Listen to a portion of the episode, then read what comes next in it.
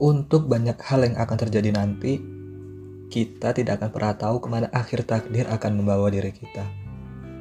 Kita hanya bisa meyakinkan hati bahwa segala sesuatu yang baik-baik sedang Allah siapkan.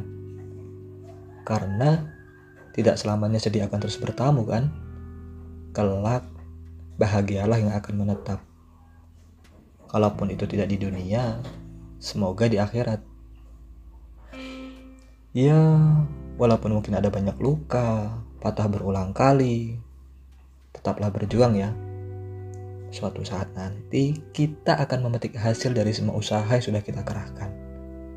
Yakin aja, semua akan indah pada waktunya. Semangat!